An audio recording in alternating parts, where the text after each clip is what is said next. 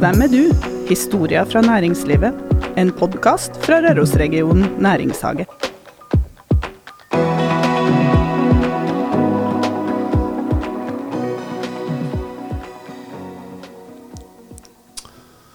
Hjertelig velkommen til podkast nummer to fra Rørosregionen næringshage.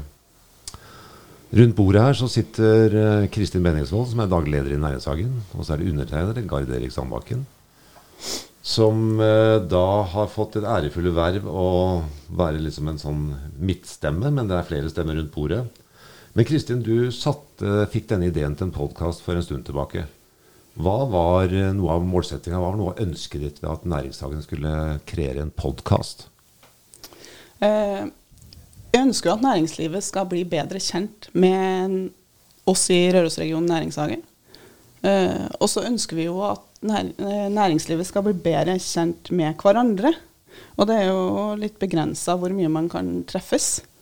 Og så er det noe med at man kanskje må òg by litt på seg sjøl, utover det, det vanlige Teams-møtene eller den vanlige saksgangen for å bli bedre kjent. Så derfor eh, valgte vi vel egentlig å lage podkast. Og så er det noe med formatet, tror jeg. De av oss som er voksne nok, og kanskje mange andre, og særlig nå for tida hvor podkaster er blitt særdeles vanlige, så er det sikkert mange som har ligget med en radio om kvelden. Eller hvis du er på hytte, er så heldig at du har hytte uten fjernsyn og den slags, så hører du på radio. Og det er en helt annen intimitet med å høre på radio. Det er stille rundt deg, du er inni ditt eget hode sammen bare med lyd og med ord. Og det, det gjør noe med det. Jeg tror kanskje det er noe av podkastens kjerne. Og da er det jo sånn at når vi har en gjest, så er vi interessert i hvem den gjesten er som person, ikke minst. Vi er nysgjerrige, alltid på det. Men i tillegg så er jo dette, som Kristin sier, det er eh, Næringshagen som har starta podkasten. Det er en hensikt med det. Vi har et eh, næringsliv som er rikt og variert. Og gjesten i dag, det er Ottar Tollan fra Flokk. Ja. Hjertelig velkommen. Tusen takk for det. Takk for at jeg ble invitert. Hvorfor tror du at du ble invitert? Ja, godt spørsmål. Eh, du sier jo at du skal gi litt oppmerksomhet rundt eh, folks person. Jeg er vel vanligvis en person Jeg er ikke så glad i oppmerksomhet rundt min person, da, men jeg er jo glad i oppmerksomhet rundt mitt eh, virke, for å si det sånn. Eh, så kanskje ikke folk kjenner meg så godt. Kanskje derfor du vil ha meg med. Ja. Det tror jeg er riktig. Du er Ja. Du er, du er veldig ofte der, og du er Altså, du har jo en uh, viktig jobb på Røros, tenker jeg. Um, men vi kjenner deg egentlig ikke så godt. Sånn at jeg i hvert fall er veldig nysgjerrig og har lyst til å bli bedre kjent med deg. da. Lyst til å vite mer om Ottar eh, Tollan. Du, Karl Erik? Det som slår meg, er at altså, mennesker er jo forskjellige, det vet vi. Men hvis du er litt mystisk, så er det jo enda mer interessant å få vite noe om det. Er du mystisk, Ottar? Nei, på ingen måte. Ok, da. Beklager. Det skulle gjerne ha vært det, altså. Men eh, jeg er ikke veldig mystisk. Så du har ikke en sånn for, forsvinningskappe hjemme i, i skapet? Nei, jeg vil ikke si det. Um, men det er klart vi har ulike prioriteter, som du sier. Vi har ulike personligheter. Og, og jeg liker vel best å bli identifisert med det jeg gjør, og mer enn det hvem jeg kanskje innerst inne er. Um, så får vi se da, hva vi kommer inn på i løpet av en praten i dag. Men om du ikke har forsvinningskappe i skapet, så har du i hvert fall treningsklær i skapet. Du er jo treningsfrik. Det har ikke jeg visst før. Men eh, kan du fortelle litt om hvorfor i all verden du driver og løper og svømmer og opp og ned fjellet og opp og dauer på vei opp og er sliten når du kommer ned? Ja um, Nei, det er mange årsaker til det. Men eh, jeg vil ikke si at jeg er treningsfrik. Jeg har, jeg har funnet stor glede i, og mestringsfølelse i å drive med fysisk aktivitet. Jeg var ikke noen idrettsmann uh, i oppveksten. okay. uh, men uh, men eh, jeg er glad i å stadig bli bedre. Eh, Jeg er glad i en, endring, eh, og jeg er glad i å oppnå mål. Okay. Og så er jeg veldig glad i å vinne. Ja, for du har litt eh, konkurranseinstinkt, eller? Jeg var på aktiviteten her om dagen, og så sto jeg ganske nære en av veggene, eh, og der var det et høl eh, som det var lagt glass foran, og så sto det O. Tollan. Eh, hva skjedde? Nei, det var, veggen kom vel litt fort, da. Det var vel ikke verre enn som så. På noe treningsaktivitet i, i hallen der. Så det ble vanskelig å stoppe, tidsnok. Du hadde litt fart, da. Det er jo full innsats, sjølsagt. Og så er kanskje i hodet så tror jeg er vel kanskje evnene høyere enn en i virkeligheten. da. Men var det hugget som gikk gjennom deg? Nei, nei, det var et okay. kne, jeg husker ikke helt. Ja. Hofte eller kne eller et eller annet. Men den, den reisen din, da. Uh, du drev ikke med idrett som barn, så som sagt, men hvor vokste du opp? Vi kan følge den reisen din litt fra en barndom, ungdom, utdanning osv. Hvor vokste du opp? Jeg vokste opp på Tolga. Uh, med ja, en helt ganske vanlig barndom, vil jeg si. Eh, Tolga skole. Eh, Ja. Masse gode venner, masse god plass, mye friluftsliv eh, og sjølsagt mye aktivitet. Og da tok du videregående skole på På Tynset. Ok, og når du var ferdig der, hadde du noen planer når du gikk ut av den skolen? Ja, altså du blir jo forma av det miljøet du, du vokser opp i. Eh, Min far drev et mekanisk verksted på Tolga. Sånn alt mulig, alt ifra landbruksmaskiner til å fikse gamle dørlåser, skulle jeg si. Sånn en kar som fiksa alt og skapte noe. Så jeg hadde jo en interesse for um, det. eh, teknisk, teknikk. eh, Så du var med og jobba med han, du? ja, det var jeg. Så eh, jeg har sveisa litt eh, i min eh, oppvekst, jeg får si det sånn Ja ja. og jobba en del eh, fysisk. Så jeg kommer fra et, et arbeiderhjem, da, hvis du vil kalle det. Kall det det. Um, så jeg fant da ut at jeg ville bli ingeniør. Um, og flytta til Trondheim etter militæret, da. Og, og begynte på det som heter for uh, maskinteknikk den gangen. På det som var NTH, men ble NTNU. da. Um, og fullførte der en master etter fem år da innen produktutvikling og produksjon. Ok. Hvor var du i militæret? Da var på Haslemoen. Artilleriet. Um, Ja, du har kjørt tanks, altså? Jeg har um, ikke kjørt mye tanks, men jeg, har, eh, jeg, var, jeg var først og fremst sjåfør uh, på administrative kjøretøy. Så jeg kjørte stjernegriser mellom Fornebu og, og ulike militærleirer. Og for de som ikke skjønte hva han sa, så er stjernegriser offiserer. Det skjønte jeg med en gang. Nei, det tok ett sekund, da. Men eh, Ja, jeg var tilbake i mitt gamle yrke med en gang.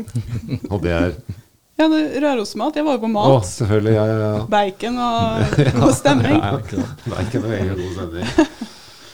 Uh, NTNU, det var i, eller NTH, det var i perioden mellom ca.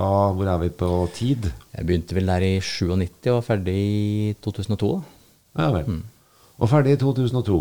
Utdannet maskiningeniør. Produktutvikling, den type ting. Og da må man ut og skaffe seg jobb. Kom noen og headhunta deg, eller måtte du begynne å søke og tusle rundt og med lua i hånda? Eh, Jeg husker ikke helt hvordan prosessen var, men eh, jeg hadde jo jobb før jeg gikk ut av skolen, ja. Eh, Men det var nok en jobb jeg søkte på. Det var det. Da begynte jeg som trainee i et tradisjon, tradisjonsrikt norsk selskap nede for Elkem. Eh, Ja. Det var jo teknologiselskapet til eh, Norsk Hydro i sin tid, når de starta opp. Det var jo Birkeland Eide som starta dette her. Ah, så du gikk rett inn i norsk industrihistorie, du? Det gjorde jeg. Ja. Og så jobba du neste runde. Du, jeg var i Elkem i mange ulike mm, posisjoner. Jeg starta som sagt som trainee, men jeg jobba mye med mm, silisium på, i Orkanger lenge. Eh, og da gikk jeg faktisk direkte til Flokk derifra, så jeg kun jobba for to ulike selskaper. Ja, for apropos industrihistorie. Eh, Eide, Birkeland og Eide, det var jo de som Hva var det de egentlig gjorde igjen? De lagde Nei, de er jo mest kjent for å, ut, for å fjerne nitrogen fra lufta, altså kunstgjødsel. Eh, Birkeland Metoden. Eide-metoden. Riktig. Eh, Men eh, de har jo utvikla òg teknologi for, for smelteverk. Da. Altså Søderberg elektroder. Ja. Mm. husker, det, det, er ikke, det er ikke lenge siden jeg trodde at mesteparten av lufta var oksygen. Det er helt feil. Mesteparten av lufta er nitrogen. Det er riktig. 80% tror jeg. 78, hvis ikke jeg tar feil. We're talking. Er du nøyaktig, Ottar? Eh, nøyaktig nok. Ja. Jeg er ikke, jeg er ikke sånn eh, helt uh, nerdet nøyaktig, men det er nøyaktig nok. 2% er mye. ja. Ja, ja. 2 er faktisk nok til å velte noe. Det har du det helt rett i. Men når vi nå snakker, nå har vi vært innom Birkeland og Eide så vidt. altså Vi har vært innom en ung tolving som ender opp på NTNU, og som, er innenfor, eh, som går inn i norsk prosessindustri, eller norsk industri. Og så har vi et lokalt næringsliv i vår region som faktisk er på et svært høyt nivå i mange sammenhenger. Vi er veldig varierte. Men det som Næringshagen har som en hovedmålsetting, det er jo å bidra til vekst i eksisterende bedrifter, men også være bidragsyter inn og kunne skape ny vekst i nye virksomheter eller nye bransjer. Um, så det jeg prøver å gå i retning av, det er at vi kan godt snakke om Birkeland og Eide, og vi har en norsk stolt eh, industrihistorie, faktisk. Men så har vi dette merkelige selskapet Flokk, da, som en gang het Haag. Kan ikke du dra oss kort gjennom storyen til Haag fra et eller annet sent 60 eller tidlig 70, eller når det var? Hva er greia? Ja, altså Hvis vi skal starte tidlig i 60, så må vi jo starte når fabrikken til um, Håkon Granlund ble flytta til Røros. da. Det var jo 57. Så altså i 1957 så flytter en kid som heter Håkon Granlund en fabrikk fra Oslo til Røros. Det er riktig. Hvorfor gjør han det? Uh, han trengte mer plass. Uh, og Oslo var for lite? Oslo var for lite. Det er, ja, det er helt riktig. Uh, og så er det mange årsaker til det, sjølsagt. Uh, men det, er jo, det skal jo ikke legges skjul på at det her norske politikken om at det faktisk skal finnes eh, aktivitet ute i kall det provinsene, eller hva du vil, det var jo viktig medvirkende. For det ble etablert eh, noe som var forløperen til Distriktenes utbyggingsfond den gangen. ja. ja. det er vel igjen litt sammenheng med det som er Siva i dag. Så det er jo tråden til Næringshagen ganske klar. da. Vi er i samme tråd. Mm. Uh, og eh, hvis ikke, hvis ikke tar helt feil, så var eh, det første, kall det eh, monetære transaksjonen da, fra det fondet til en sånn eh, flytting ut til distriktene, det var når Håkon Granli fikk støtte for å flytte fabrikken fra Oslo til eh, Røros. Det ante jeg ikke. Så det var en viktig medvirkende årsak. Men det som kanskje er mest kjent på Røros, det er jo at eh, det var òg lokale politikere og ildsjeler som var veldig mm, fremoverlent, og som skjønte det at den her eh, gruveindustrien og smelteverket på Røros det hadde sett sine glansdager. Det var en industri som var på vei ned, og skulle fortsatt være grunnlag for eh, bosetting på Røros, så trengte en ny industri. Det er, ja. det- Det var en litt annen type politikere som var i stand til å tenke 15 år fram i tid og ta høyde for det. Det var i hvert fall en, eh, det var i hvert fall noen solide politikere den gangen. Jeg kan ikke skjønne annet. Og så Granlund og Haag. Og da lagde de møbler på en enkel mulig, enklest mulig måte. Og de, de hadde et design som nå i ettertid er blitt retro og kjempekult. da.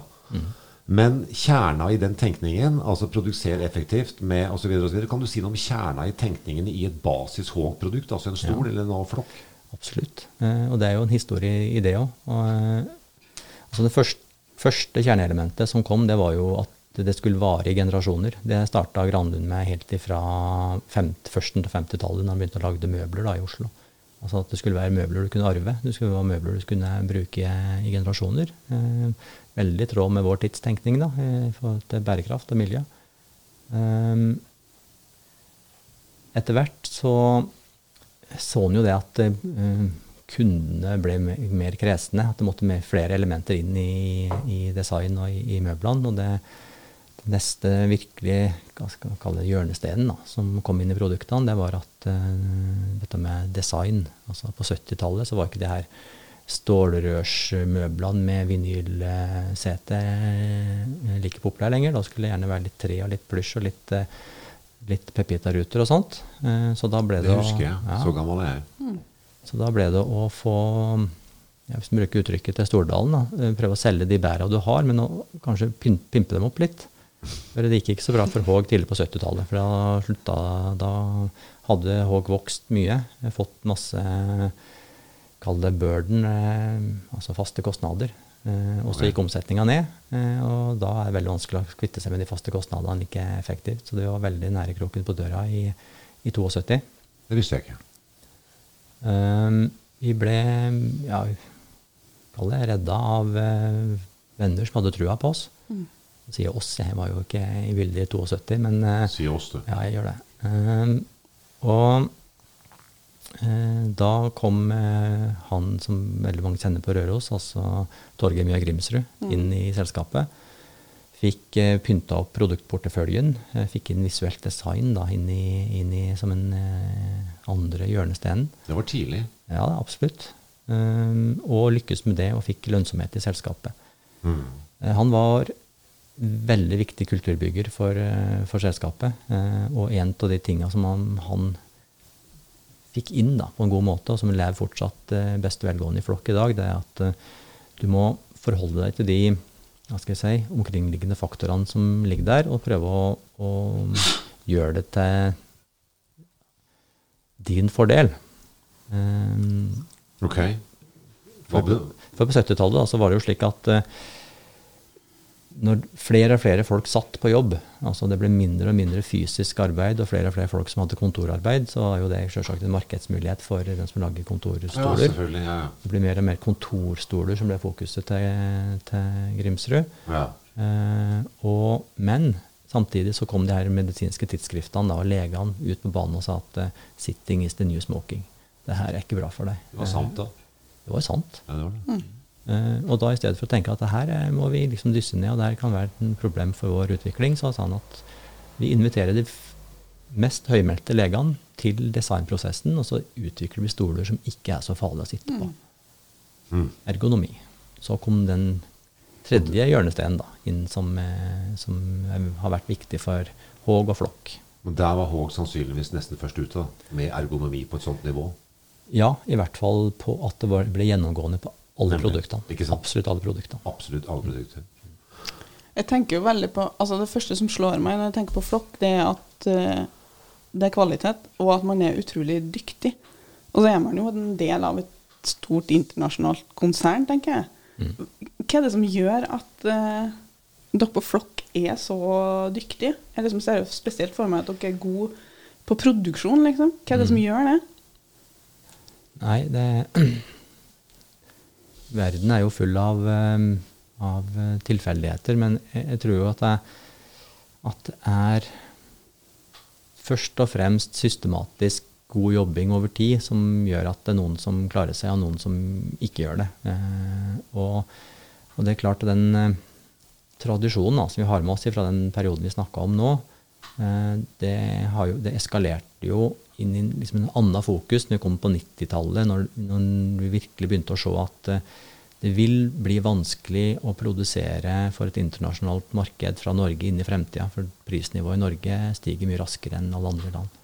Det betyr at uh, den var tenkte fremover tidlig og ble veldig tidlig um, ja, hva skal jeg si, fokusert på, på, på effektivitet da, og, og effektiv produksjon.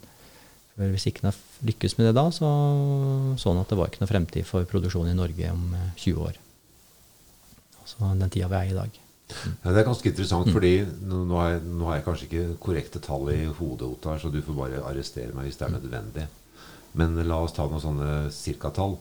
For la oss si 15 år siden så var Haag da 300-400 ansatte.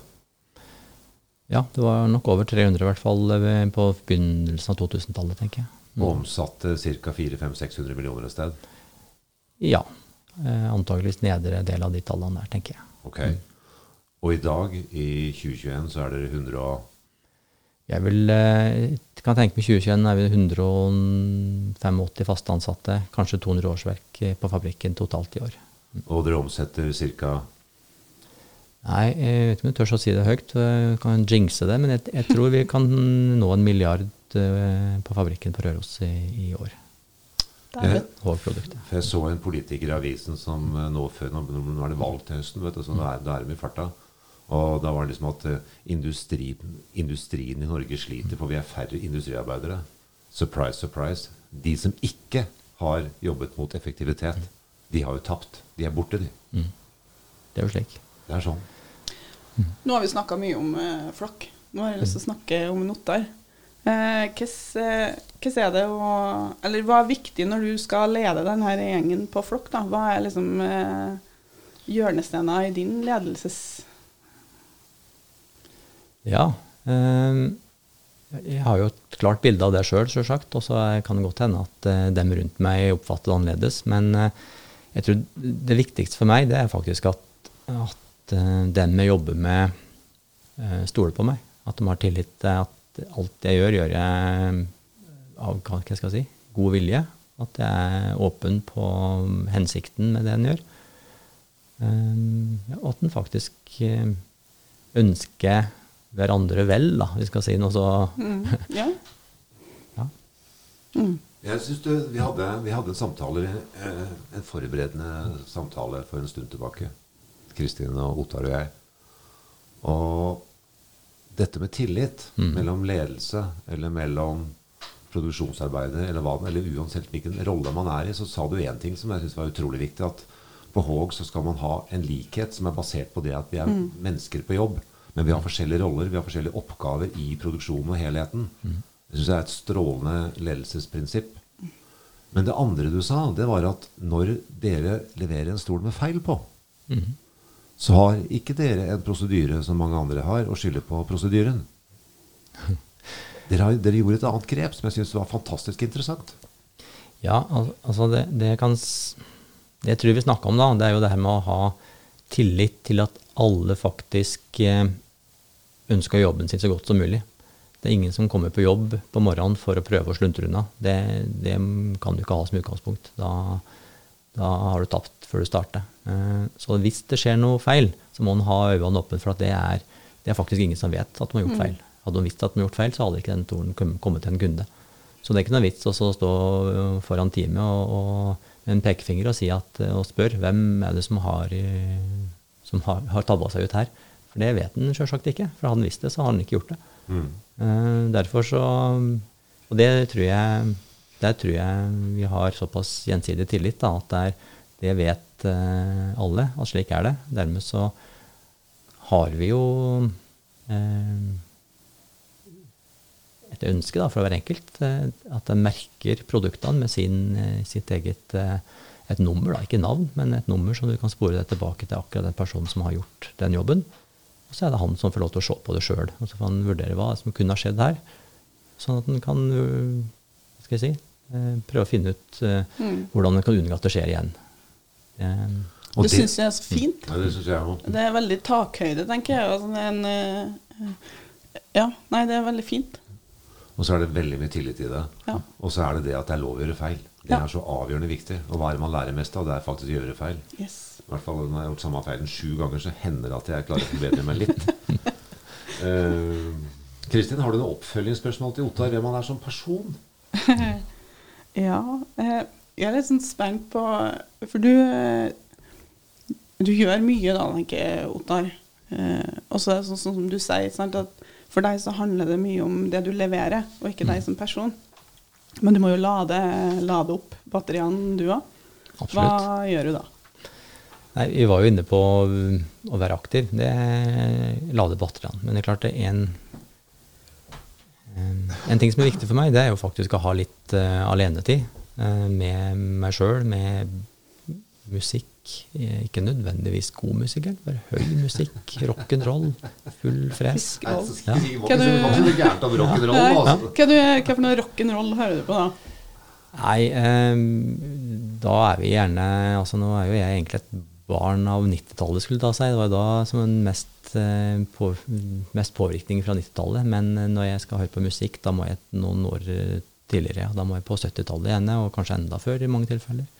Så da er det Deep Purple og Led Zeppelin og Uriah Heap og kanskje enda litt tøffere med Motorhead og Ja, kult. Ja, Iron Maiden. Og, eller jeg kan gå litt lenger tilbake og smelle på noe Dylan eller noe fra 60-tallet. Det går fint, det òg. Altså. Mm, det er fint. Men øh, danser du da? Nei, jeg, nei, jeg gjør ikke det. For uh, enten så lytter jeg, eller så lytter jeg meg sjøl. Hva som skjer da, inni hodet ditt da? Nei, da, da senker skuldrene og slapper av og lader batteriene, hvis man kan si det så enkelt. Ja. Mm. Det er faktisk forskningsresultater som, som går på at uh, hvis man spiller Mozart for kyr i fjøs, også for mennesker, da, så går hjernebølgen ned mot alfa. Og det er søvnrytme. Så musikk har faktisk Og fjernsynstitting har også en sånn beroligende effekt. Hvis det ikke er Paradise Hotel, da, for det har en motsatt effekt. Men eh, jeg tenkte på Ottar. Eh, vi lever i en verden hvor man diskuterer fram og tilbake og alt mulig, og mange mener mye om alt mulig og er enig med det andre. Og så er det faktisk sånn Det første spørsmålet er sånn Hvorfor er ikke Håg borte fra Røros? Uh, oi, ja. Det har med folka som eh, bor på Røros, den industrikulturen som finnes på Røros, og det her evnen til å faktisk bare eh, bite seg fast og gjøre jobben. Eh, altså, eh, vi kan si at jeg tror alle som jobber på Flokta på Røros i dag, setter selskapet foran seg sjøl. Og det tror jeg er en eh, Seriøst? ja, det tør jeg nesten å påstå. Altså, I det daglige så tenker en jobben først. Og så kommer selvrealisasjon, eller hva skal vi kalle det, ut av det. Fordi det som også er saken, er at Flokk per dato eies av et hedgefond på Jersey. Mm, ja, det er riktig. Hva heter dette hedgefondet? Nei, det er, det er jo et eh, Det heter Triton, da. Dem som eh, liksom er overordna der. Og så er det ja, det er masse selskaper, men det er vel Hva er konsekvensen av at dere har eiere som er mest interessert i profitten? Eh, jo, det er jo sjølsagt Mange blir jo skremt av det eh, og tenker at det er en eh, risiko og risikofaktor. Men det er klart, vi er jo det alle. Er, alle som driver business, er jo mest interessert i at eh, business skal gå godt. Og det er jo ingenting som sikrer vår tilstedeværelse på Røros bedre enn at vi faktisk går godt. Så vi har jo samme interesse. Utfordringen er jo den dagen vi ikke gjør det godt, så kan beslutningene bli tatt raskere enn vi, vi ønsker. Men uh, dit skal vi jo ikke. Nei. Ok, Nei, det skal vi jo ikke. Uh, fordi uh, Men det betyr jo, da, hvis jeg tolker det i én runde, så betyr det å ha slike eiere det betyr at det stilles større Dere forstår at det stilles større krav, men samtidig, når dere mestrer på et slikt nivå dere gjør, så blir jo gleden og stoltheten desto større. Uten tvil. Og så er det jo slik eh, eh, Jeg var liksom litt inne på det, men det, det er litt mer seriøst. At det å være eid av en sånn type eier, det er mye vanskeligere hvis du eh, får veldig mye fokus på deg. Altså, for da blir det veldig mye ekstra rapportering. Da skal de følge opp og passe på at du gjør jobben godt. Um, Flokk er vel et selskap som hele veien har gjort det bra i porteføljen til, til Triton og fått lov til å holde på med vårt. Eh, For de ser at det gjør vi på en bedre måte enn noen andre. Dermed så har vi ikke vært påvirka veldig mye i måten vi driver businessen vår på. Eh, Er lønnskostnadene i forhold til total omsetning lavere i en norsk bedrift på Røros som omsetter 1 milliard, enn hvis den hadde vært i Litauen eller Polen? Vi har jo Vi kjøpte jo en stor polsk stolprodusent i 2019. Ok. eh, Som heter for eh, Profim. Det er eh, en stor fabrikk i, i Polen på 50 000-60 000 kvadrat med knappe 2000 ansatte. De produserer jo kontorstoler, og vi vet jo at sammenligna med dem, og på produkter som har kall det lik funksjonalitet, da, likt uh, markedsområde, så er den faktisk det.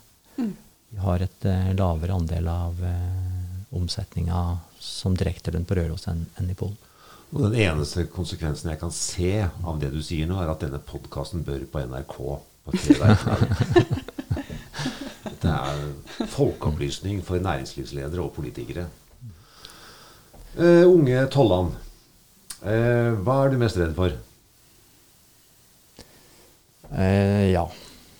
Jeg, jeg, eh, jeg er ikke redd for så veldig mye. Eh, det er ikke at jeg er en sånn fryktløs person, men, eh, men, eh, men hvis jeg skal si noe jeg er redd for, så kan det være um, Jeg liker ikke å være, hva skal jeg si, å være andre til last. Ja. Det er jeg litt redd for. Jeg, jeg har ikke lyst til å bli den som er avhengig av andre. Jeg vil klare meg sjøl. Det har gitt seg en del merkelige utslag opp igjennom, sjølsagt. Eh, Du er litt heldig da, som har det som en motor. Ja, det tror jeg du har rett i. For da klarer du deg sjøl. Jeg gjør det. Ellers går det gærent. da. Mm. Alternativt. Mm. Mm. Eh, Så det er jeg nok redd for. Mm. Hva er du mest redd for, Garn Erik? Å, det er eh, selvfølgelig et litt ubehagelig spørsmål, da. Men eh, Jeg har tenkt igjennom det litt, og så diskuterte du og jeg det litt i går, Kristin. Og vi gjorde litt mer sånn forhåndsdiskusjoner. Liksom, hvordan skal denne podkasten bli interessant for lytterne våre? Og da delte vi faktisk frykt opp i, i sånn type irrasjonell frykt. Som er, kommer fra at man har vært utsatt for noe fælt, og så blir man redd for ting, og så får man mer angstopplevelser. Og det andre er å være redd for reelle ting. Så kjører i 140 og en tulling ved rattet, så er det ganske smart å bli redd. Ja. Få opp adrenalinproduksjonen når det smeller, så da overlever du, sjansen for å overleve er større. Nei, men sånn, litt mer sånn irrasjonelt fritt, så er det, sånn, det er mer sånn klaustrofobisk og, og jeg syns en del ting er skummelt. Uh, jeg syns det er tungt å reise, for jeg, er, jeg vet ikke hva som kommer til å skje. Og så er jeg usikker på hva som kommer til å skje, og, og så kan det bli vanskelig. Da blir jeg ganske stressa. Altså jeg, jeg, jeg, klarer sjelden å slappe av når jeg er på, på reise. Jeg blitt litt bedre etter hvert, da, for jeg måtte tvinge meg til å fly. da. Jeg kan fortelle én kort historie. Det var til omdømmebygging. Jeg satt i et fly, et SAS-fly i Manchester i 1998. Da hadde jeg vært over og kjøpt noe. De kjøpte Disk, faktisk, et atferdsprofileringsanalyseapparatet med en gjeng. Men nok om det. Jeg satt i hvert fall bakerst i et SAS-fly, og det regna og det blåste og det var mørkt, og vi skulle fly til Oslo. Og jeg holdt på å dø av skrekk. Og så har jeg kjøpt meg en ny dress. For vi var jo på sånn business-greie. vet du. Det var jeg uvant med. Jeg kom jo fra offentlig sektor og var lærer. Og så kommer en flyvertinne bort til meg og så stryker hun meg forsiktig på skulderen. Så en veldig fin rest, du har godt stoff, sier hun. Så bøyer hun seg over meg og sier hun, dette går helt fint. sier Hun Hun så at jeg holdt på å dø av skrekk. vet du. Etter det så elsker jeg SAS. Mm. så det er det også. Men du da, Kristin? Nei, det er jo som du sier, altså det er jo ulike typer redsel og grader av det. Irrasjonelt så er jeg veldig redd for kvaks. Og det er liksom så galt at jeg i flere år har skrøtt på meg og vært allergisk, selv om jeg ikke er det i det hele tatt. Ja, vet du det, da? Nei, det vet jeg jo ikke, for jeg har aldri blitt støkken. For jeg springer jo i god tid før den kvaksen i hele tatt eh, Jeg har en ganske bra radar, for å si det sånn. Dreper du dem, eller rømmer du fra dem? Jeg, jeg, jeg, jeg tror at de eh, kommer til å bare drepe meg hvis de kommer i nærheten. Så jeg, dreper dem ikke, springer. Mm. Hyle og spring. ja. Men denne lille sekvensen rundt, rundt dette med, med frykt til langs, eller ubehag òg, som er litt på lista Jeg har tenkt gjennom dette en del ganger. Og jeg tror at veldig mange mennesker på jobb også, vi, vi er redd for å gjøre feil. Ja, vi er redd for å få kjeft. Og vi har ledere som driver og opererer sånn. Og, skal folk alle, og nå for tida skal alle passe ræva si og ikke ha gjort noe feil. ikke sant? Så, så lager man prosedyrer og rapportering. Altså det, det, er blitt en ganske rar verden rundt det. Så frykt eller sånn ubehag og redsel for å gjøre feil er blitt veldig styrende. Og hvor er det blitt av det personlige ansvaret? At vi kan si 'Nei, jeg gjorde en feil, og det var greit.' Eller sånn som på Håg, da. Ja. Eller på Flokk. Unnskyld meg. Så skriver dere faktisk et nummer. Og da er jo hele hensikten at vi skal bli bedre sammen. Mm. Og så lærer man jo av det. Det er jo genialt. Så jeg, ja, presisere det at det er jo enkelte områder hos oss òg hvor vi sier at vi ikke kan gjøre feil. Og det er jo der um, det står om hva skal jeg si, helsa til folk, ja. livet til folk. Ja, selvfølgelig. Sikkerhet. Så, Sikkerhet. Ja. Uh, så det syns jeg er viktig da, å, å, skille mellom det. For det er jo som du sier, at ingen skal være redd for å få kjenning av sjefen sin. Nei. Det, det, dit kan vi ikke. For da bruker Nei. vi altfor mye tid på ting som ikke er verdiskapende. Men vi må nesten bruke litt tid på å unngå å skade hverandre. Er du eh, redd for å gjøre feil hos deg? Nei, jeg er ikke veldig redd for å gjøre feil. Men um, som vi sa innledningsvis, jeg er ikke så veldig glad i oppmerksomhet rundt min person. Og det er klart, negativ oppmerksomhet rundt min person er jeg heller ikke noe glad i. Men, men jeg, er ikke, jeg, er ikke, redd for det. Nei. Mer ubehag. Ja, mm. jeg er enig. Jeg... Hvor, hvor, mange, hvor, mange, har dere i administrativ eller lederfunksjon på Flokk med 170-80 ansatte? Ja, hvis vi I forhold til de her eh, massene da, hvor det er, de fleste jobber innen produksjon og vedlikehold og altså, altså, de oppgavene, så er det vel en håndfull ledere. Mm. Så, så, har vi, har vi jo lederfunksjoner som, eh, som, jobber mot andre deler av konsernet i tillegg, altså IT og HR osv. Men hvis en holder det utenom, så er det en håndfull. Så det betyr at dere er orientert mot produksjon, uavhengig av hvilken rolle du har? Nesten. Ja, nesten det. Nesten det. Du er såkalt site manager. Mm. I gamle dager så het det supersjef eller admedir eller et eller annet. Du er nå site manager, men du er egentlig du er, du er lokal leder i dette Flokk-konsernet på Flokkrøros. Ja, det er riktig. Det er riktig. Og hva gjør du da, da? Hva driver du med da? Jo, I stor grad så prøver jeg å gjøre to ting. Da. Tilrettelegge slik at eh, folk får brukt kompetansen sin til å gjøre en god jobb for flokk. Og det andre er jo å prøve å bidra til, eh, til eh, å tenke, tenke litt strategisk og langsiktig hva som skal til for at flokk er like suksessfullt da, om fem og ti år på Røros. Det er Røros med mitt fokus. da. For nå har vi jo da fått vite at første sneven av distriktenes utbyggingsfond i Norge var Granlunds flytting fra Oslo til Røros på 50-tallet. Og så hadde vi politikere som var framsynte nok til å skjønne at kobberverket kommer til å bli lagt ned. Og det blei det i 74 en gang. Og så har Flokk og Håg, eller Flokk, turt å la seg bli kjøpt av krevende eiere. Og så blir jo det veldig interessante spørsmålet nå hva, Hvilke skyer ser du i horisonten, eller hvilke muligheter har vi? Eller hvilke grep gjør dere nå for å ta høyde for det som skjer om fem til syv til ti år? Ehm, Det som blir mer og mer åpenbart, da, er jo hvor viktig det er for oss å ha tilgang på de samme markedene som andre produsenter. Altså det blir jo færre og færre produsenter i Norge av forbruksartikler som eksporterer til eh, utlandet. Så for oss så Vi har jo engasjert oss eh, politisk i sånn som EØS-spørsmålet. Det er jo ekstremt viktig for oss. For oss. Så dere, må, dere er avhengig av en EØS-avtale for å overleve? Ja, eh, vi, vi- påstår det. Eh, altså Rent teknisk så er vi jo avhengig av en handelsavtale. Men det vi vet, det er at dersom det blir en diskusjon og en forhandling om en ny handelsavtale, så kan det være nok da, til å, at det kan gå noen år hvor Triton eller våre eiere ikke tør å investere i Norge pga. usikkerhet. Og noen år mist, Hvis du mister den her endringa og forbedringstakten i noen år, så kan det være nok til at det, at det blir veldig vanskelig da, å, å se for seg at en eh, klarer å opprettholde aktiviteten om eh, x antall år frem i tid. Ok. Er det andre ting du ser som er svært viktig å ivareta eller utvikle eller omstille eller ta høyde for? Eh, Tenker du nå i forhold til rammebetingelser fra politikere og Nei. miljø rundt? Du tenker mer inn i Nå var jeg mer på produksjon. Du starta Ja. litt med rammevilkår og betingelser. Det, det var det viktigste for deg. Det, det visste jeg ikke. Det var svært interessant. Men eh, mer sånn type hva må dere gjøre internt, eller hva er trendene, eller hva er, hva er greia? Og det er jo eh, du kan jo si da, Når folk kommer og besøker oss på fabrikken til Flokk på Røros, som de har da hørt på forhånd at det er verdens mest effektive og moderne kontorstolfabrikk, så blir de litt overraska over hvor få roboter det er, og hvor mange hender som faktisk fortsatt står og monterer sammen stordeler. Ja. Eh, og, og da er det vel kanskje eh, Må du forklare litt hvorfor det er slik. Eh, og det er jo det at vi er Vi har vært veldig bevisst da, på å investere alltid der det gir eh, mest eh, effekt. Det betyr å ta i bruk ny teknologi når det er eh, på riktig tidspunkt. Eh, og da automatisere prosesser som faktisk gir god eh, eh, gevinst.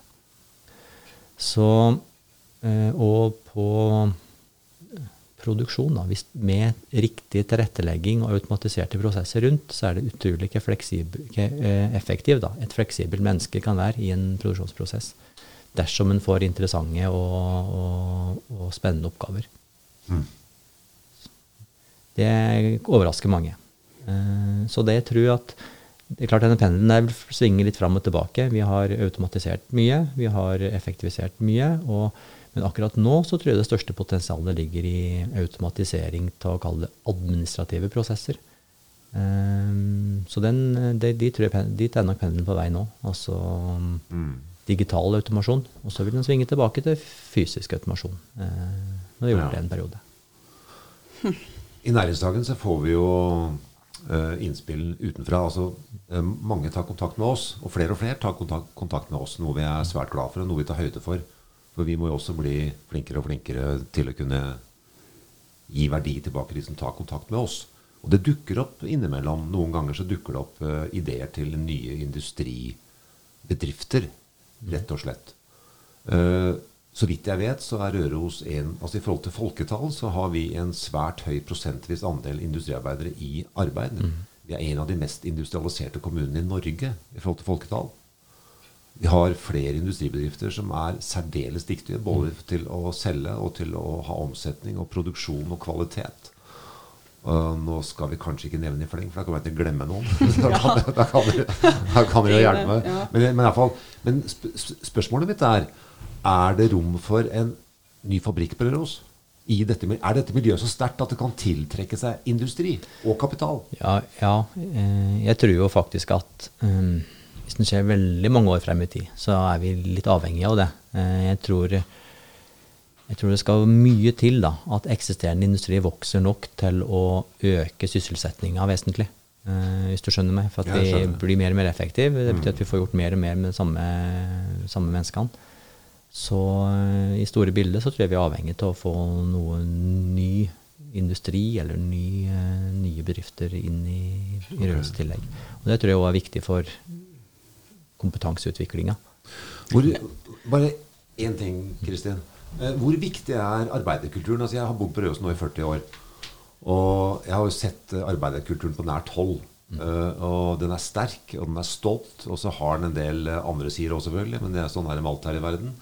Men uh, en industriarbeider på Røros, slik jeg oppfatter det, er, er stolt av jobben sin. Det er ingen som skjemmer av å jobbe i industri eller være håndverker eller sånn. eller sånn, og sånn. Det er tvert imot. Hvor, tvert imot. hvor, hvor viktig del av industribasen på Røros er den, er den, kulturen?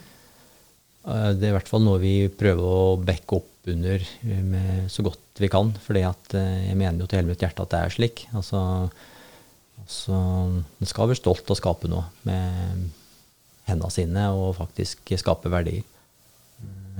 Det tror jeg er viktig for Røros. Mm. Jeg er veldig enig. Jeg syns det er veldig godt det her at det, det, er rom for flere. Og så tenker jeg at vi skal huske på at vi har så stort potensial da, i å få til vekst i eksisterende bedrifter. Der er det et kjempepotensial. Eh, Norge og Røros for så vidt er kanskje gode på oppstartsbedrifter, ikke sant? men vi trenger å bli bedre på å få eksisterende bedrifter til å vokse. Der eh, har vi masse å hente, tror jeg. Uten tvil. Um men det er ikke dermed sagt at det blir så vanvittig mange flere ansatte. Det var det som egentlig var Nei. poenget mitt. Nei, så, men sant. veksten må ligge der, ja. Det er faktisk tvert imot. Mm. mm. Det blir sannsynligvis færre. Hvis vi ikke får en boost på et eller annet, da. Mm. Uh, at, at, noen lykkes med et nytt produkt eller en eller annen sånn ting. Mm. Ja, men gud. Du, hva har vært lettest i dette arbeids-yrkeslivet ditt? Hva har vært lettest? Ja. Nei um, Det som er lettest, det er jo, det er jo å, å hva skal jeg si, være med folk hver dag. Og jeg er genuint interessert i folk og, og glad i å jobbe sammen med andre. Så, okay. ja. Ehm, så veien blir jo litt til mens man går. Ehm, Alltid. Du slipper ikke unna. Mm. Så er det mange veier til Roma. Ja, det er det. Så. Eller som en kompis sa, det er mange veier til Rom og Gola, sa han. var nærmeste bar. Men ok. Mm. Var, han ikke noe morsomt, Ottar? ok. Men det var hva har vært lettest, men hva har vært vanskeligst, da, min gode mann? Nei. Eh, altså, nå har jeg jobba i vært i flokk i ti år. Eh, og det jeg syns er vanskelig, kanskje, det er også å skape Bygge den tilliten da, som jeg mener at jeg er avhengig av for å få til et godt, eh, ja. godt Eh, lederskap raskt. Altså det å jobbe ti år i en bedrift det er egentlig litt lenge. Eh, jeg tror eh, næringslivet har godt av å få litt avveksling mellom personer for å få nye innspill og lære av hverandre. Men da skal du ha riktige folk som kommer inn? Du skal ha riktige folk. Det er mm. viktig. Um, så det er en ting jeg syns er vanskelig, å få den prosessen til å gå raskt nok. Da. Okay. Mm.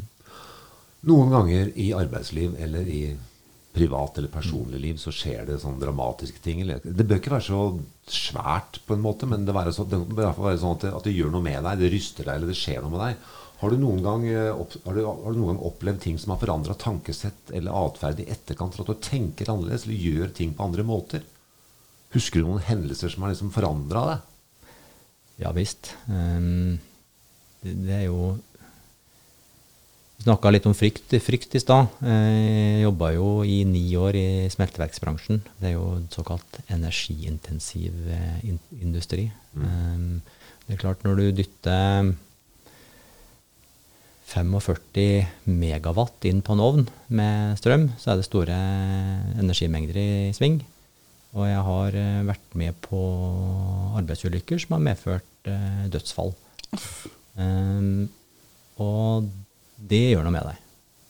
Og det er jo en sånn frykt, iboende frykt for at uh, det skal skje igjen. At noen skal kalle det dø på min vakt. Nå var det ikke det jeg kaller min vakt, og det var ikke mitt, uh, min avdeling, men uansett, jeg jobba der. Mm. Uh, så det, det gjør noe med deg. Mm. Vi kan ikke avslutte med noe så dystert, Gard Erik. Denne uka her, skjønner du, så har det vært Friends reunion. Åh, har det det? Ja. Jeg vet ikke hvor mange milliarder som har eh, sett på det. Og da er det store spørsmålet, Ottar, hvem er du i Friends?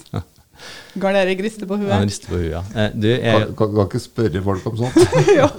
Jeg er jo, som jeg sa, et barn av 90-tallet, så jeg har sjølsagt sett på Friends. Eh, Jeg har ikke fått med meg noe av denne reunionen, annet enn noen sånne TikTok-klips. Du har vesentlig mindre Botox, tror jeg. Ok. I hvert fall. Ja. Um, hvis vi må holde oss til de fem, så er, da, da tror du skjønner det, Kristin, hvem jeg er. Da er jeg nok Ross. Ja. Ja, det, Hvis vi kan bevege oss litt lenger ut, så tror jeg eh, minner jeg nok mer han eh, Husker du han eh, som Monica data, han Pete Becker, han IT-karen Ja, ja, som ja, som drev med MMA i tillegg? Der Ja, tror er jeg. Ja, artig. Mm. Morsomt. Gard Erik, da? Eh, pass. Ja. Men Kristin, da? Du, eh, jeg har fått høre at Eller det er ganske mange som svarer ganske fort hvis det blir snakk om det der, og jeg tror nok at jeg hadde endt opp som søstera di. Fikk å ha litt koll og Ja, nei. Så det hadde nok blitt Monica, tror jeg. Ja, nå, ble- nå, nå ble det hyggelig her. Sånn. Ja, hyggelig. Men jeg kunne heller tenke, tenke meg å være Chander og ha en sånn Ja. sarkastisk kommentar på lur hele tida. Ja. For den kommer jeg jo på når jeg kommer hjem igjen. Det er jo ikke noe, Da er det for sent. Jeg er enig. Han er, han er veldig artig. Skal vi se. Da er vi ved veis ende. Og da må vi aller først eh, takke Ottar for at han har stilt opp for oss. Det var særdeles hyggelig, og det var interessant. Og selv om jeg snakket litt i forkant, kjære lyttere, så er det masse som dukket opp i dag som vi ikke har snakket om. Eller På forhånd, vel å merke. Slik at, eh, så det her var eh, interessant for meg også. Kristin, veien videre for denne podkasten, hva i all verden skal vi finne på? Hvem skal vi invitere? Uh, ja, si det. Eh, jeg tenker jo at folk må bare høre på neste gang da, for å finne ut hvem som kommer. Men hvis folk vet av noen de har lyst til å bli bedre kjent med, så kan de jo gjerne sende oss et eh, lite tips. Ok, da er vi på Mystery Man Yes. or Woman. Tusen takk for oss. Uh, hyggelig at dere hører på. Uh, dere er nødt for å høre på og få flere til å høre på, ellers så kommer Kristin til å legge ned hele greia. Bare så det er sagt. Jeg står på punkt sju på sånn introliste til dette her, internt. Så spre det glade budskap. Takk for oss. Ha det godt. Ha det!